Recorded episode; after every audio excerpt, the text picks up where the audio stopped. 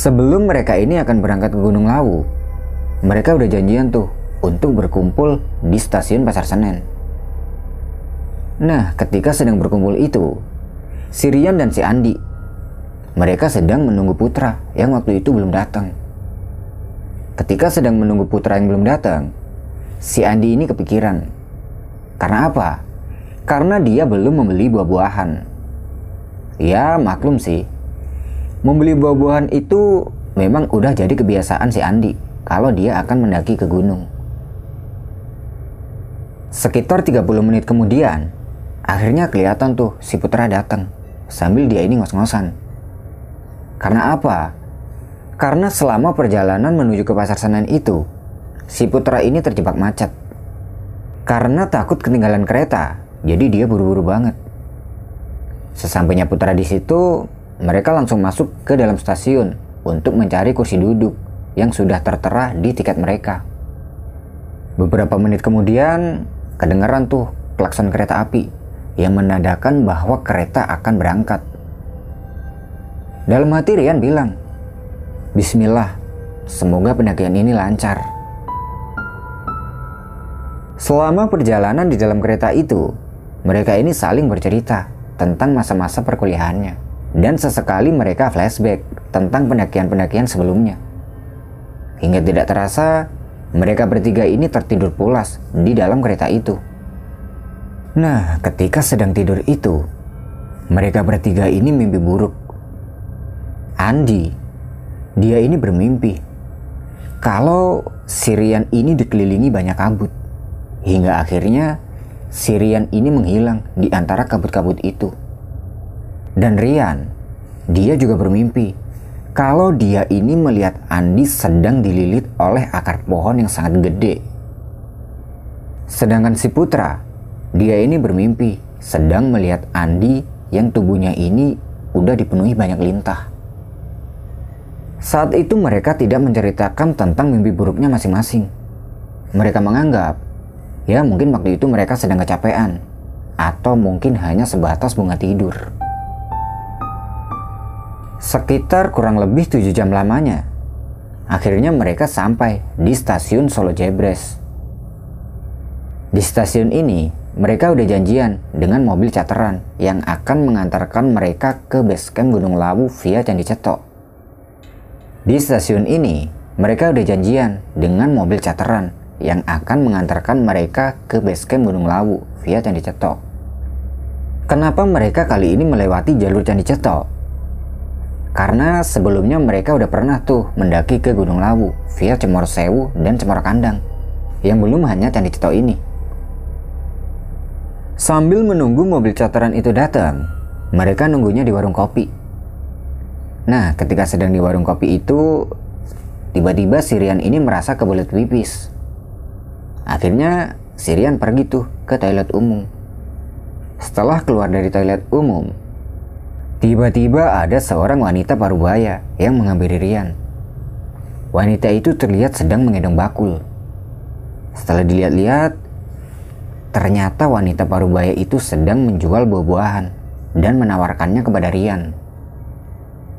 Mendengar tawaran dari wanita parubaya itu, Rian menolak. Karena apa?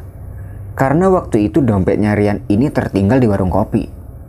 Jadi waktu itu Rian tidak membawa uang Nah, ketika Rian menolak itu, wanita bayi itu terlihat senyum sambil dia ngomong.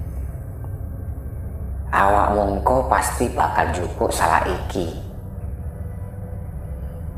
Setelah ngomong kayak gitu tadi, wanita baru bayi itu pergi meninggalkan Rian. Dan Rian, dia menganggap ya mungkin wanita baru bayi ini emang seorang pedagang di stasiun ini. Rian pun segera kembali ke warkop ke tempat teman-temannya tadi. Sesampai di warkop itu, ternyata mobil charteran udah datang. Mereka pun langsung memasukkan karirnya itu ke dalam mobil. Kemudian mereka berangkat. Nah, perjalanan dari stasiun Solo Jebres menuju ke base camp Gunung Lawu via Candi Ceto ini jaraknya kira-kira 30 km. Jadi memakan waktu kurang lebih 2-3 jam. Ketika sedang di mobil itu, Si Putra tanya ke Rian. Eh Yan, kamu tadi ngapain aja ke kamar mandi kok lama banget?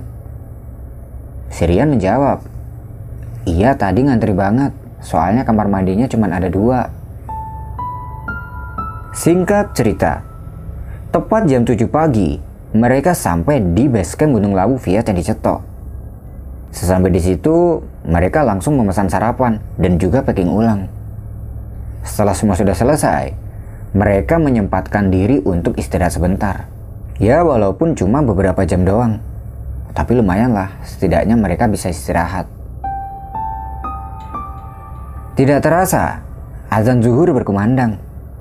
Si putra menyempatkan dirinya untuk sholat zuhur. Setelah selesai sholat zuhur, mereka berkemas dan menuju ke pos perizinan yang jaraknya tidak jauh dari tempat mereka istirahat itu. Sesampainya di pos perizinan, mereka mengurus semua persyaratan yang diperlukan. Setelah semua sudah selesai, tepat jam 2 siang, mereka memulai pendakiannya dan tidak lupa berdoa dulu. Berharap agar pendakian ini lancar hingga mereka sampai di rumah kembali. Di awal-awal perjalanan, jalannya masih datar dan melewati sebuah wisata.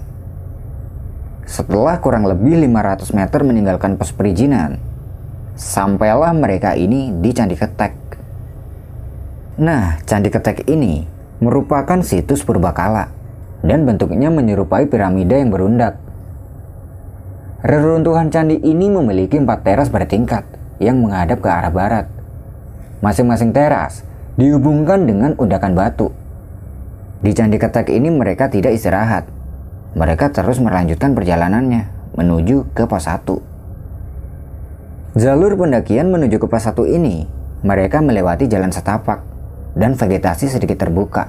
Dan di sepanjang jalur, mereka melihat pipa-pipa air yang digunakan oleh warga sekitar.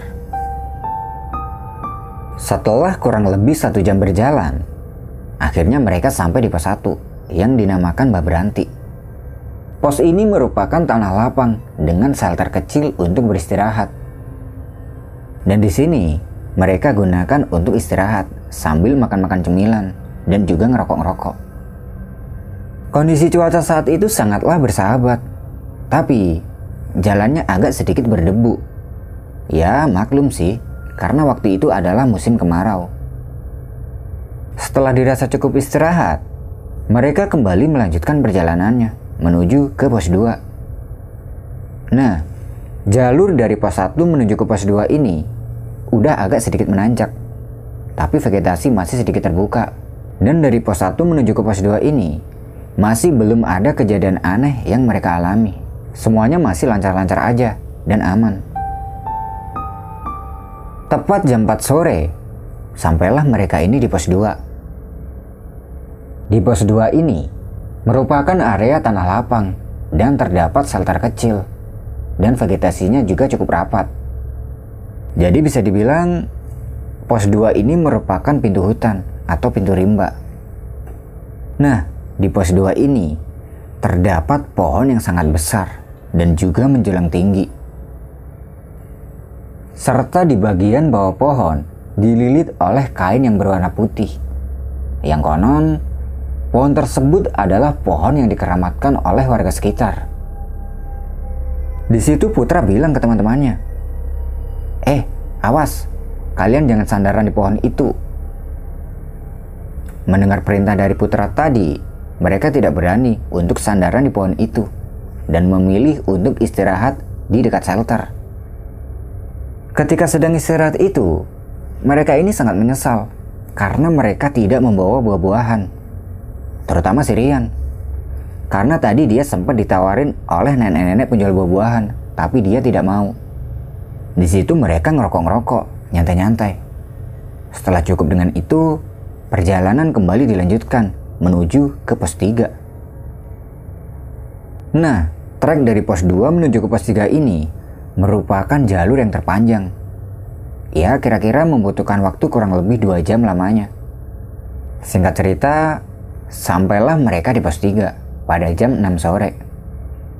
Karena di pos 3 ini terdapat sumber air dari paralon, jadi mereka sempatkan untuk menyeduh kopi dulu sambil makan-makan roti. Di pos 3 itu, terdapat satu rombongan yang sedang ngecamp atau sedang bermalam. Dan terlihat rombongan itu sedang makan buah-buahan, yaitu buah salak.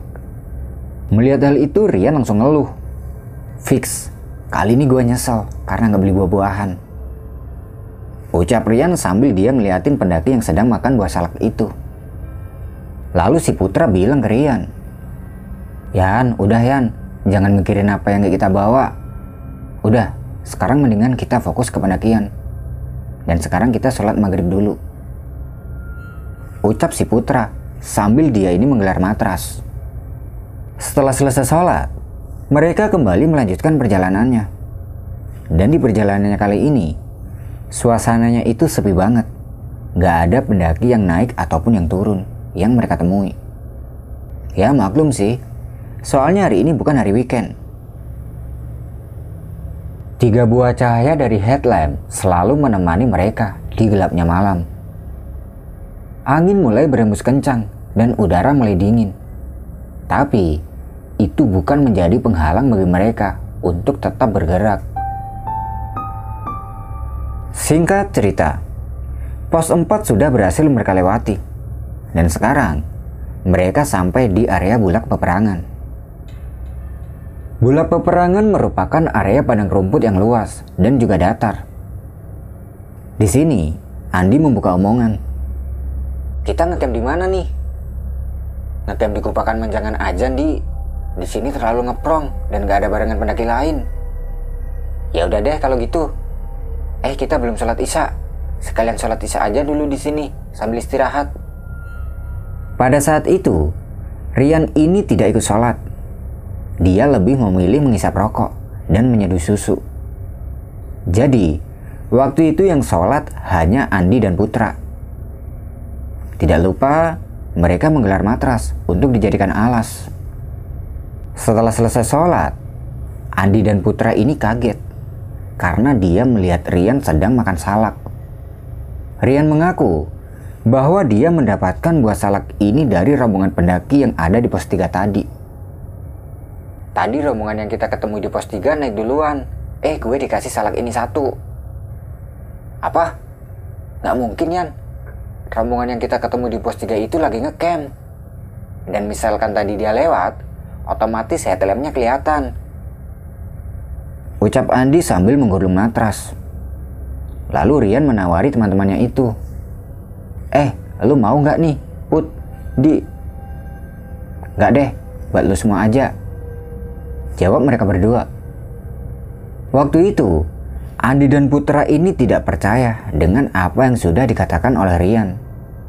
Tapi, mereka lebih memilih untuk tidak membahas soal salak itu. Akhirnya setelah itu, mereka lanjut berjalan lagi menuju ke Gupakan Menjangan.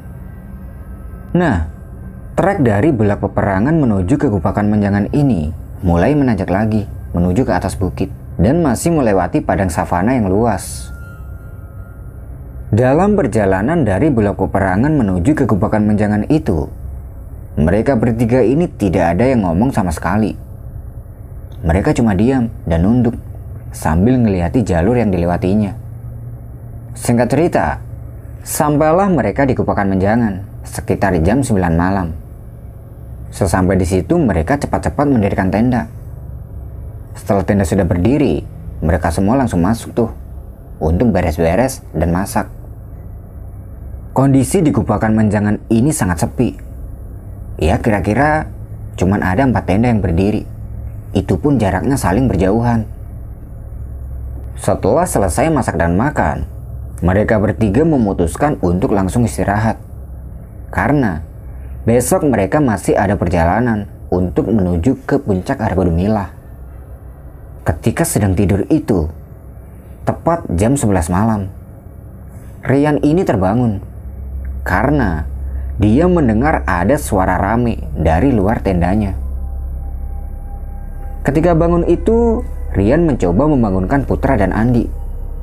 Tapi mereka berdua tidak mau bangun karena mereka sudah tertidur pulas. Suara itu terdengar semakin lama semakin ramai hingga membuat Rian ini penasaran. Rian kemudian memberanikan diri untuk melihat keluar tenda. karena takutnya kalau ada pendaki yang sedang dievakuasi. Ketika sudah berada di luar tenda, Rian ini melihat ada sebuah api unggun dan terlihat banyak orang yang sedang lalu lalang. Setelah diperhatikan lagi, ternyata itu mirip banget dengan pasar dengan berbagai macam dagangan. Rian memberanikan diri untuk maju beberapa langkah. Setelah itu, pandangannya Rian ini terfokus dengan satu orang penjual yang tidak asing menurutnya. Ternyata, orang tersebut adalah wanita parubaya yang menawari Rian buah-buahan ketika dia sedang berada di stasiun waktu itu. Rian mendekati wanita parubaya itu. Sesampai di situ, wanita parubaya itu memberi Rian buah salak. Sambil memberi Rian buah salak, wanita parubaya itu berucap, awakmu bakal jupuk salah iki. Karena sejak awal Rian ini udah pengen banget sama buah. Jadi dia sangat bersyukur karena ada yang memberinya buah. Diterimalah buah itu. Setelah diterima, buah itu dikupas sama Rian. Setelah semuanya sudah terkupas, salak itu kemudian dimakan oleh Rian.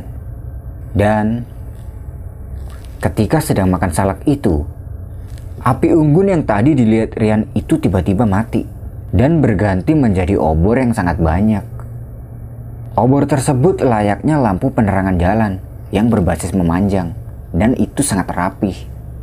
Dan seketika itu juga, semua orang yang berjualan di situ matanya menatap tajam ke arah Rian. Karena takut, Rian langsung membuang buah salak yang dipegangnya sambil Perlahan dia ini mundur menuju ke tendanya. Dan ketika Rian akan sampai di tenda, tiba-tiba wajah dari semua penjual itu terlihat sangat menyeramkan. Ada yang lidahnya ini sangat panjang. Ada juga yang lagi bergelantungan di pohon, tinggi besar. Dan ada juga yang sedang menenteng kepalanya. Karena takut melihat semua itu, Rian langsung masuk ke dalam tendanya. Sesampai di dalam tenda, dia menutup mukanya ini dengan sleeping bag. Tapi, lama-kelamaan suhu di dalam tenda ini berubah menjadi panas. Dan ternyata, waktu itu sudah menunjukkan jam 7 pagi. Woi, ayo bangun, kita ke puncak. Ucap Andi sambil dia ngebuka sleeping bagnya. Perlahan, Rian membuka sleeping bagnya dengan perasaan yang sangat takut. Dan anehnya, ketika Rian ini melihat ke arah luar tendanya, itu terlihat sangat sepi. Api unggun dan obor yang semalam Rian lihat itu juga sudah tidak ada. Tapi Rian tidak menceritakan hal itu kepada teman-temannya. Di sini, mereka bertiga langsung membuat sarapan dan packing peralatan apa saja yang akan dibawanya ke puncak. Ketika sedang packing itu, Putra ngomong, rombongan depan tenda kita udah pada ke puncak kali ya? Sepi amat. Iya tuh, kayaknya udah pada ke puncak. Jawab Andi sambil dia pakai sepatu.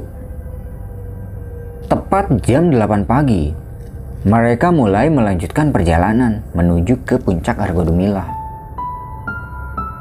Perjalanan kembali dilanjutkan, menyusuri padang savana yang cukup luas. Setelah menyusuri savana, trek kembali menanjak menuju ke arah sisi bukit. Pohon pinus yang tadi mereka lewati ini sudah berubah menjadi pohon cantigi. Yang artinya mereka ini sudah mendekati area pasar Dieng atau pasar setan. Ketika sedang berjalan itu, Rian ini masih memikirkan kejadian yang semalam dia alami. Menurut Rian, itu nampak sangat aneh dan tidak masuk akal sama sekali. Di sini Rian masih belum cerita ke teman-temannya. Dia memilih untuk menceritakannya nanti aja kalau udah sampai kembali di base camp. Setelah cukup lama berjalan, sampailah mereka di pos Pasar Dieng. Pasar Dieng merupakan area yang masih terdapat sisa-sisa sejarah. Bebatuan berukuran besar sebesar di area bekas pondasinya. Dan ada batu yang tersusun rapi, layaknya sebuah gerbang. Di situ Andi bilang ke teman-temannya, Udah nggak usah istirahat di sini ya, kita lanjut jalan aja. Tuh, warungnya Mbok Em udah kelihatan. Putra dan Andi pun menurut dengan apa yang sudah dikatakan Rian tadi. Jadi mereka di situ tidak berhenti. Singkat cerita, sampailah mereka di Argo Dalam, kurang lebih jam setengah 10 pagi. Tempat pertama yang mereka jumpai adalah petilasan Prabu Brawijaya V. Ini membuktikan bahwa ada kaitannya antara Prabu Brawijaya V dengan Gunung Lawu.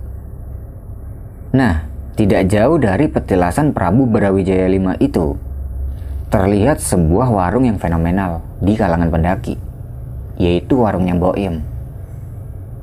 Kalian semua yang udah pernah mendaki ke Gunung Lawu, pastilah tahu dengan warung ini. Di warungnya Boim itu, mereka membeli air mineral. Karena kebetulan, persediaan air mereka waktu itu sudah sangat menipis.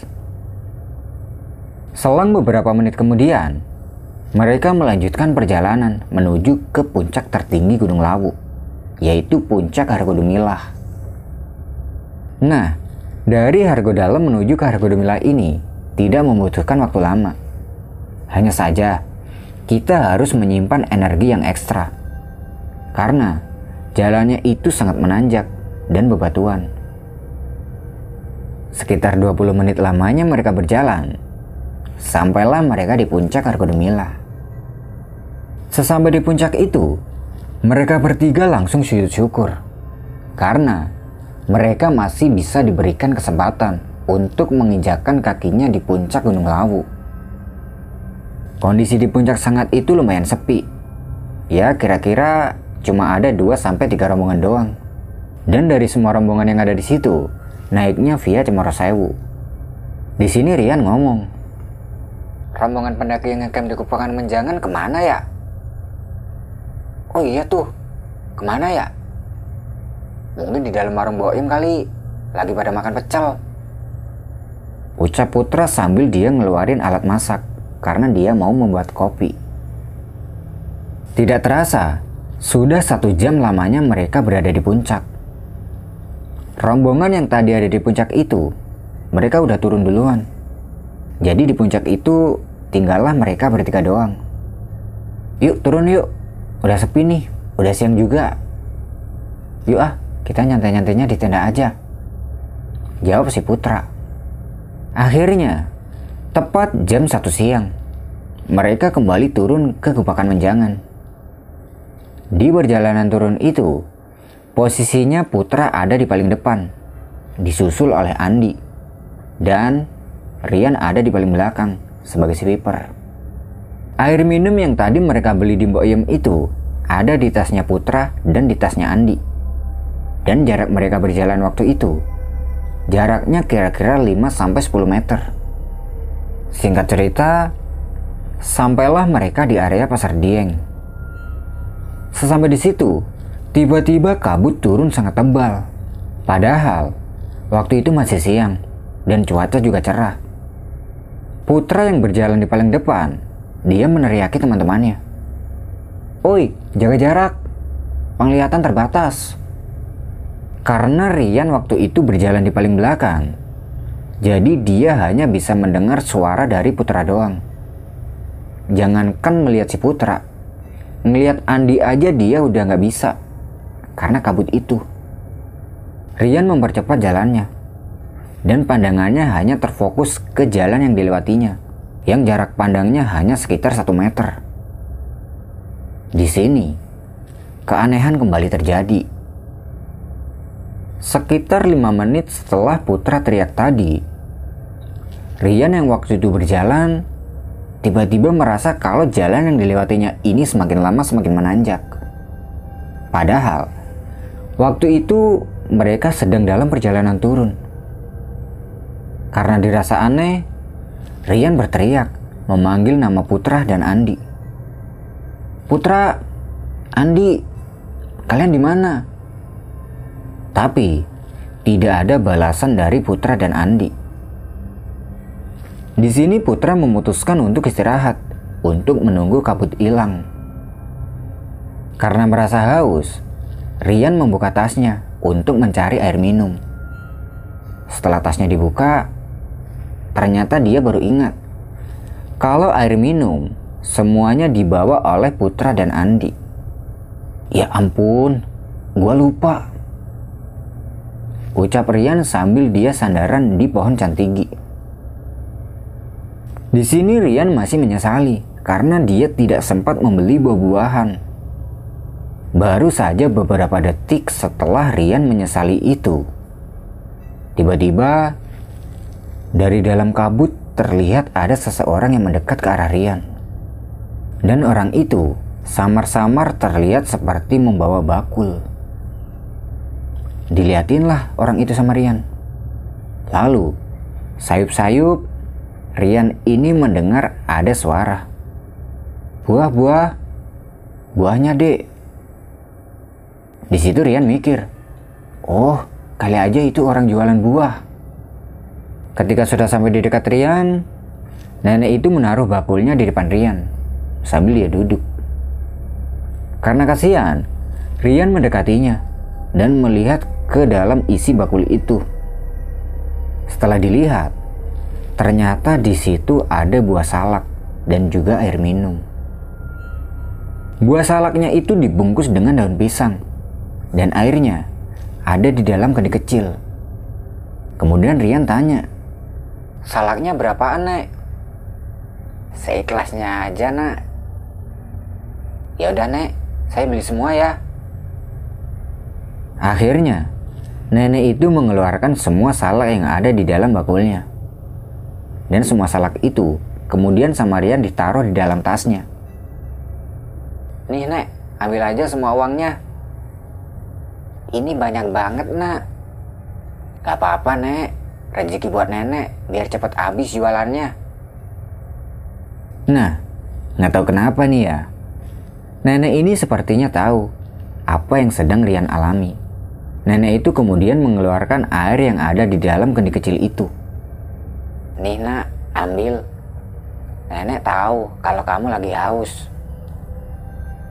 Bagi Rian, ini adalah rezeki yang tidak boleh ditolak. Jadi, jangan melihat apa yang dikasih, tapi lihatlah siapa yang ngasih.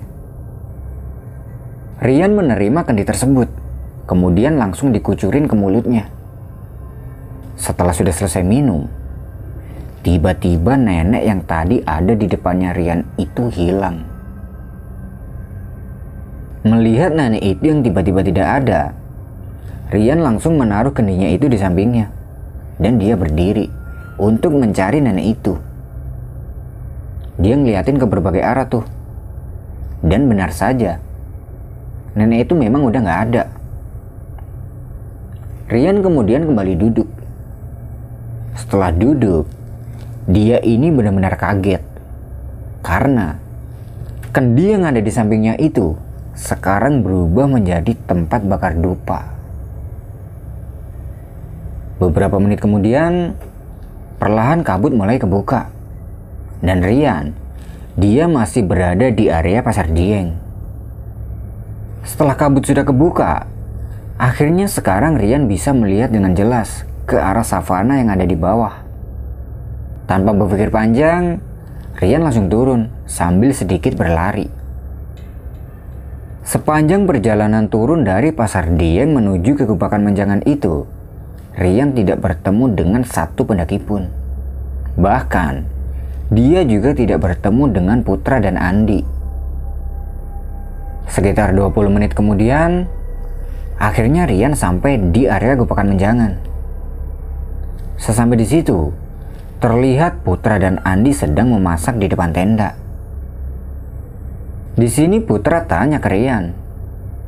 Buset dah lu, bokernya lama banget Yan. I iya Put. Masuk tenda sana lo, bersih-bersih dulu, habis itu sholat. Suruh si Andi. Di dalam tenda, Rian masih kepikiran tentang nenek-nenek yang ditemui di pasar Dieng tadi.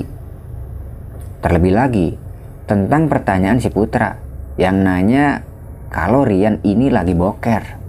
Tapi di sini Rian masih belum mau cerita ke teman-temannya. Setelah bersih-bersih, Rian kemudian melakukan sholat asyar. Setelah selesai sholat, dia bergabung dengan Putra dan Andi. Di sini Rian tanya, itu tenda yang di depan kita udah pada turun? Kayaknya sih udah. Soalnya pas kita sampai di sini tadi mereka udah nggak ada. Mungkin ya udah turun duluan. Jawab si Andi sambil dia membersihkan piring.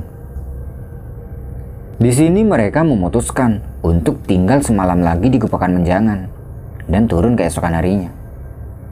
Setelah selesai makan, mereka bertiga ngopi-ngopi dan ngerokok-ngerokok di depan tenda yang sudah dilapisi oleh flyset. Sambil menikmati kopi dan rokok, tiba-tiba si Andi tanya ke Rian. Eh Yan, Lo tadi bokernya di mana? Tadi gue bokernya di dekat pasar Dieng. Jawab si Rian. Padahal waktu itu Rian tidak boker, melainkan dia bertemu dengan nenek-nenek penjual buah. Tidak terasa waktu sudah menunjukkan jam 9 malam. Mereka bertiga memutuskan untuk masuk ke dalam tenda untuk tidur. Di dalam tenda itu, posisi mereka ini Putra ada di sebelah kanan, Andi di tengah, dan Rian di sebelah kiri. Ketika sedang tidur itu, yang terdengar hanyalah suara angin dari lembahan savana.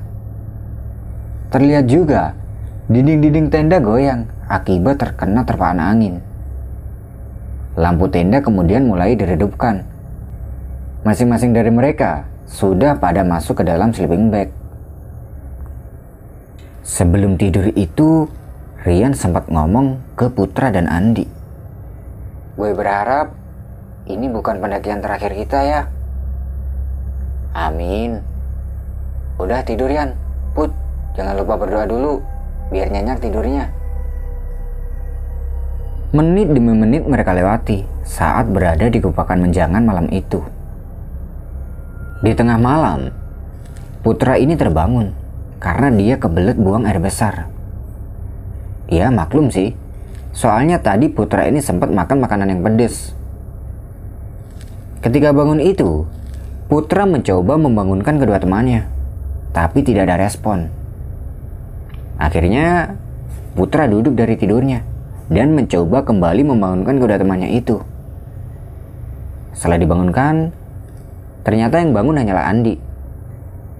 Putra dan Andi pun kemudian keluar tenda sambil membawa headlamp tapi tidak dengan Rian. Rian masih tertidur pulas. Setelah Putra dan Andi selesai BAB, Rian ini terbangun karena dia kedinginan. Dan ketika bangun itu, Rian melihat Putra dan Andi ini sedang duduk sambil makan buah salak. Melihat itu Rian bertanya, Eh, itu salak yang dari tas gue ya? Putra dan Andi hanya menganggukkan kepalanya sambil dia menyodorkan buah salak ke Rian. Rian kemudian menjawab, Kagak ah, malam-malam makan buah salak. Yang ada perut gue ntar mules. Ucap Rian sambil dia tidur lagi dan menutupi mukanya dengan sleeping bag. Selang beberapa menit kemudian, tiba-tiba suhu di dalam tenda ini menjadi gerah. Padahal sebelumnya sangat dingin. Eh, buset dah, ini gerah banget. Ucap Rian sambil membuka mukanya yang tertutup oleh sleeping bag. Setelah dibuka, dia melihat ke arah Andi dan Putra. Dan di situ Andi dan Putra tiba-tiba berubah menjadi pocong yang sangat menyeramkan. Sekujur wajah pocong ini terlihat sangat gosong Melihat pocong-pocong itu, Rian teriak sambil dia menutupi mukanya. Beberapa menit kemudian, Andi dan Putra masuk ke dalam tenda. Nah, karena melihat Rian ini badannya gemeteran, mereka bertanya, Lo kenapa, Yan? Ampun. Woi, Yan. Woi, istighfar. Gue Putra. Akhirnya, Putra dan Andi langsung membuka sleeping bagnya si Rian. Setelah dibuka, Rian bilang kalau dia tidak kenapa-napa. Ya elah, dia sedang ngigo. Ucap si Andi. Di sini mereka memutuskan untuk lanjut tidur lagi. Singkat cerita, waktu sudah menunjukkan jam 6 pagi. Mereka semua bangun. Setelah bangun, mereka berbagi tugas. Putra dan Andi mendapat tugas untuk memasak. Sedangkan Rian, dia mendapat tugas untuk ngepacking tenda. Dan tepat di jam 8 pagi, mereka kembali berjalan turun menuju ke base camp yang dicetok. Nah, di sepanjang perjalanan turun itu, Rian ini menjadi semakin diam. Dia tidak ngomong sama sekali. Melihat Rian yang tiba-tiba seperti itu, Andi bertanya pada Putra. Eh Put, itu si Rian kenapa? Kok diem mulu? Gak tahu gue, lagi nahan berak mungkin. Jawab si Putra. Pos bulak peperangan sudah berhasil mereka lewati. Dan sekarang mereka sudah sampai di pos 4. Sesampai di sini Rian meminta break. Woi, break dulu lah. Sekalian gue mau melipir, perut gue mules. Nah kan, gue bilang juga apa? Dari tadi dia itu diem karena dia nahan boker. Ucap si Putra sambil ketawa. Sambil menunggu Rian selesai berak, Adi dan Putra duduk di dalam shelter. Selang 10 menit kemudian, tiba-tiba dari arah semak-semak, Rian ini lari seperti orang yang kesetanan. Melihat Rian lari, Adi dan Putra kemudian berdiri. Eh, kenapa lu? Di sono banyak banget lintah. Hah? Lintah? Ini kan musim kemarau.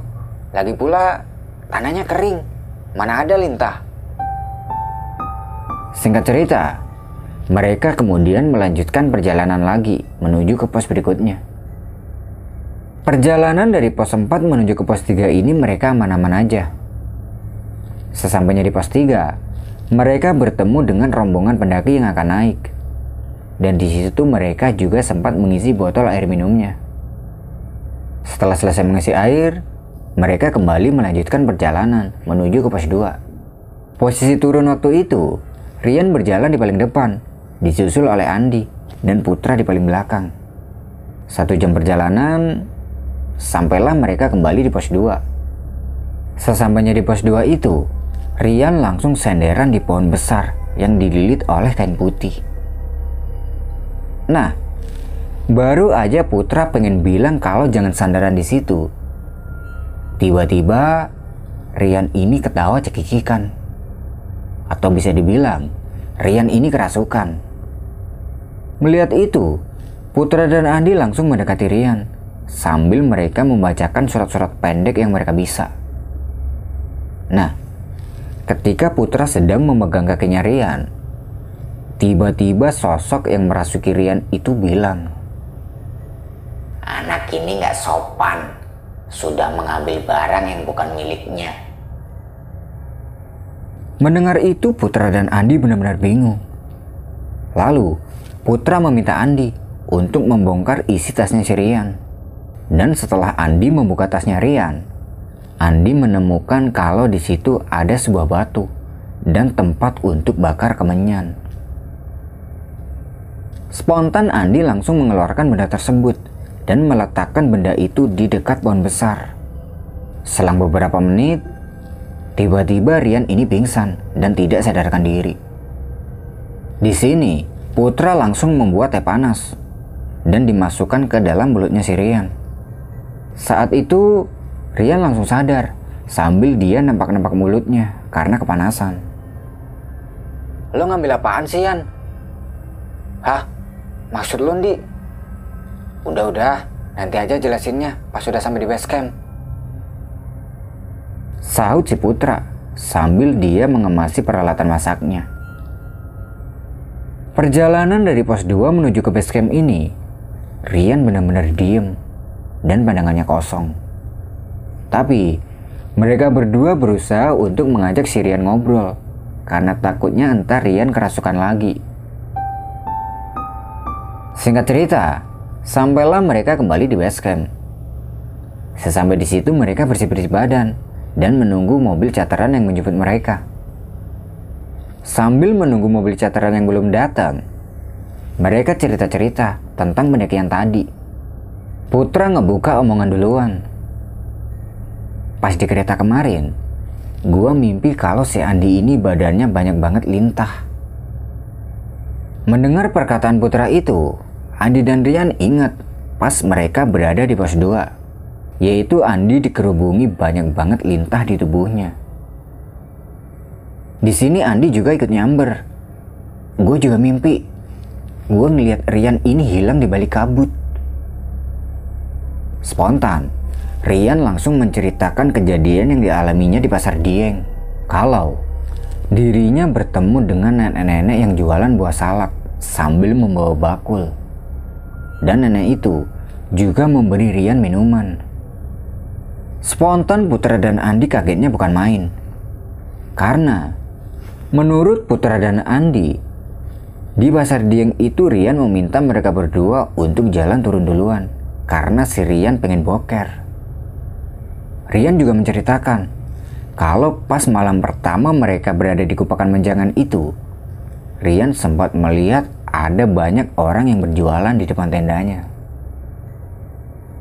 Nah, belum sampai mereka ini selesai cerita, mobil jemputan yang mereka tunggu sudah datang dan mereka pun langsung bergegas menuju ke mobil tersebut. Singkat cerita, akhirnya mereka kembali di rumah masing-masing dengan selamat. Karena Rian ini takut kenapa-napa, keesokan harinya Rian datang ke orang pintar untuk menanyakan hal itu. Dan orang pintar itu bilang bahwasanya malam itu sukmanya Rian keluar dari raganya hingga membawa Rian ke dalam pasar setan alias pasar gaib. Untungnya, pas malam pertama itu, Rian tidak makan buah salak itu seutuhnya. Andaikan Rian memakan buah salak itu sampai habis, bisa-bisa sukmanya Rian terperangkap di dalam alam gaib untuk selamanya. Nah, setelah Putra mendapat penjelasan dari orang pintar itu, dia langsung cabut pulang dan langsung mengajak Putra dan Andi untuk ketemu untuk menjelaskannya secara detail.